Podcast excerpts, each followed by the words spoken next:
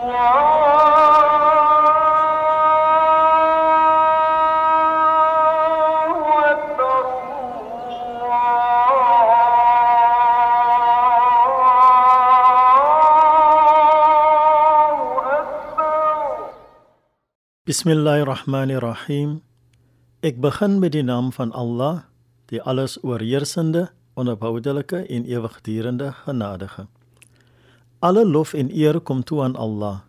En mag sy vrede en seëninge op al die profete en boodskappers rus. Ek vra ondersteuning van die boodskapper van Allah, die vriende van die boodskapper van Allah en van ons leermeesters. Assalamu alaykum wa rahmatullahi wa barakatuh.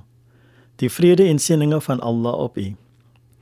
Die betekenis van die woord isti'ana, soos dit gebruik word in die uitdrukking iyyaka nasta'in, is om hulp te versoek of te vra. Volgens Imam Qurtubi beteken dit om hulp te versoek, ondersteuning en sukses. Dit is ook betekenisvol dat die voorafgaande uitdrukking na die eintlike aanbidding kom om aan te dui dat aanbidding eers gedoen moet word voor ons op hom om hulp vra. Ons kan slegs ons aanbidding van Allah ordentlik doen indien ons vir Allah vra om ons by te staan. Hierdeur word ons verknog aan Allah en deur hierdie verknogtheid verwerf ons selfvertroue en vryheid. Ash-Sharawi sê dat in hierdie unieke verhouding die tafels omgekeer is deurdat die meester hom aan die behoeftes van sy slaaf goedgunstig voldoen. Imam al-Kushairi sê dat die aanbidding of ibade verwys na die inspanning van moeite en krag terwyl isti'ana die soeke na die aantrekking van mag en genade is. In ibada manifesteer die eer van die aanbidder en in isti'ana kom goedheid tot die dienaar. Imam Suyuti let op dat die gebruik van die derde persoon met lof en die tweede persoon met aanbidding dit impliseer dat verheerliking minder verdienstelik is as aanbidding.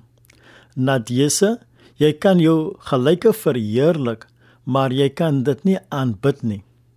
Kortliks, die vers begin met die voorwerp iyyaka eerder as die onderwerp nahnu omdat die meerderwaardigheid van die voornaamwoord u na Allah verwys.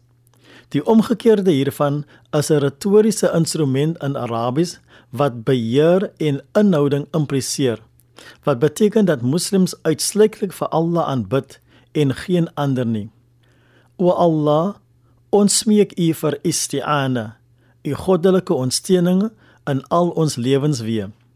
Ons vra dit met die seëninge, die goedheid en die geheimenisse van die Surah Al-Fatiha op die openingsverse van die Heilige Koran. Bismillahirrahmanirrahim. Ek begin met die naam van Allah, die alles oorheersende en die onverboudelike genadige. Alle lof kom Allah toe, die Here van die geskaapte orde, die alles oorheersende genadige, die onverboudelike en ewigdurende genadige meester van die oordeelsdag. U alleen aanbid ons en u alleen smeek ons om hulp. Lei ons op die regte weg, die weg van hulle wie u guns verdien, nie die weg van hulle op wie u toren neergedaal het nie, of die weg van hulle wat afgedwaal het nie. Walhamdulillahi rabbil alamin. In alle dank en lof kom toe aan Allah. Dit is Shahid Maniers wat u met God se vrede, God se seënings en God se genade groet. Tot 'n volgende keer insha Allah.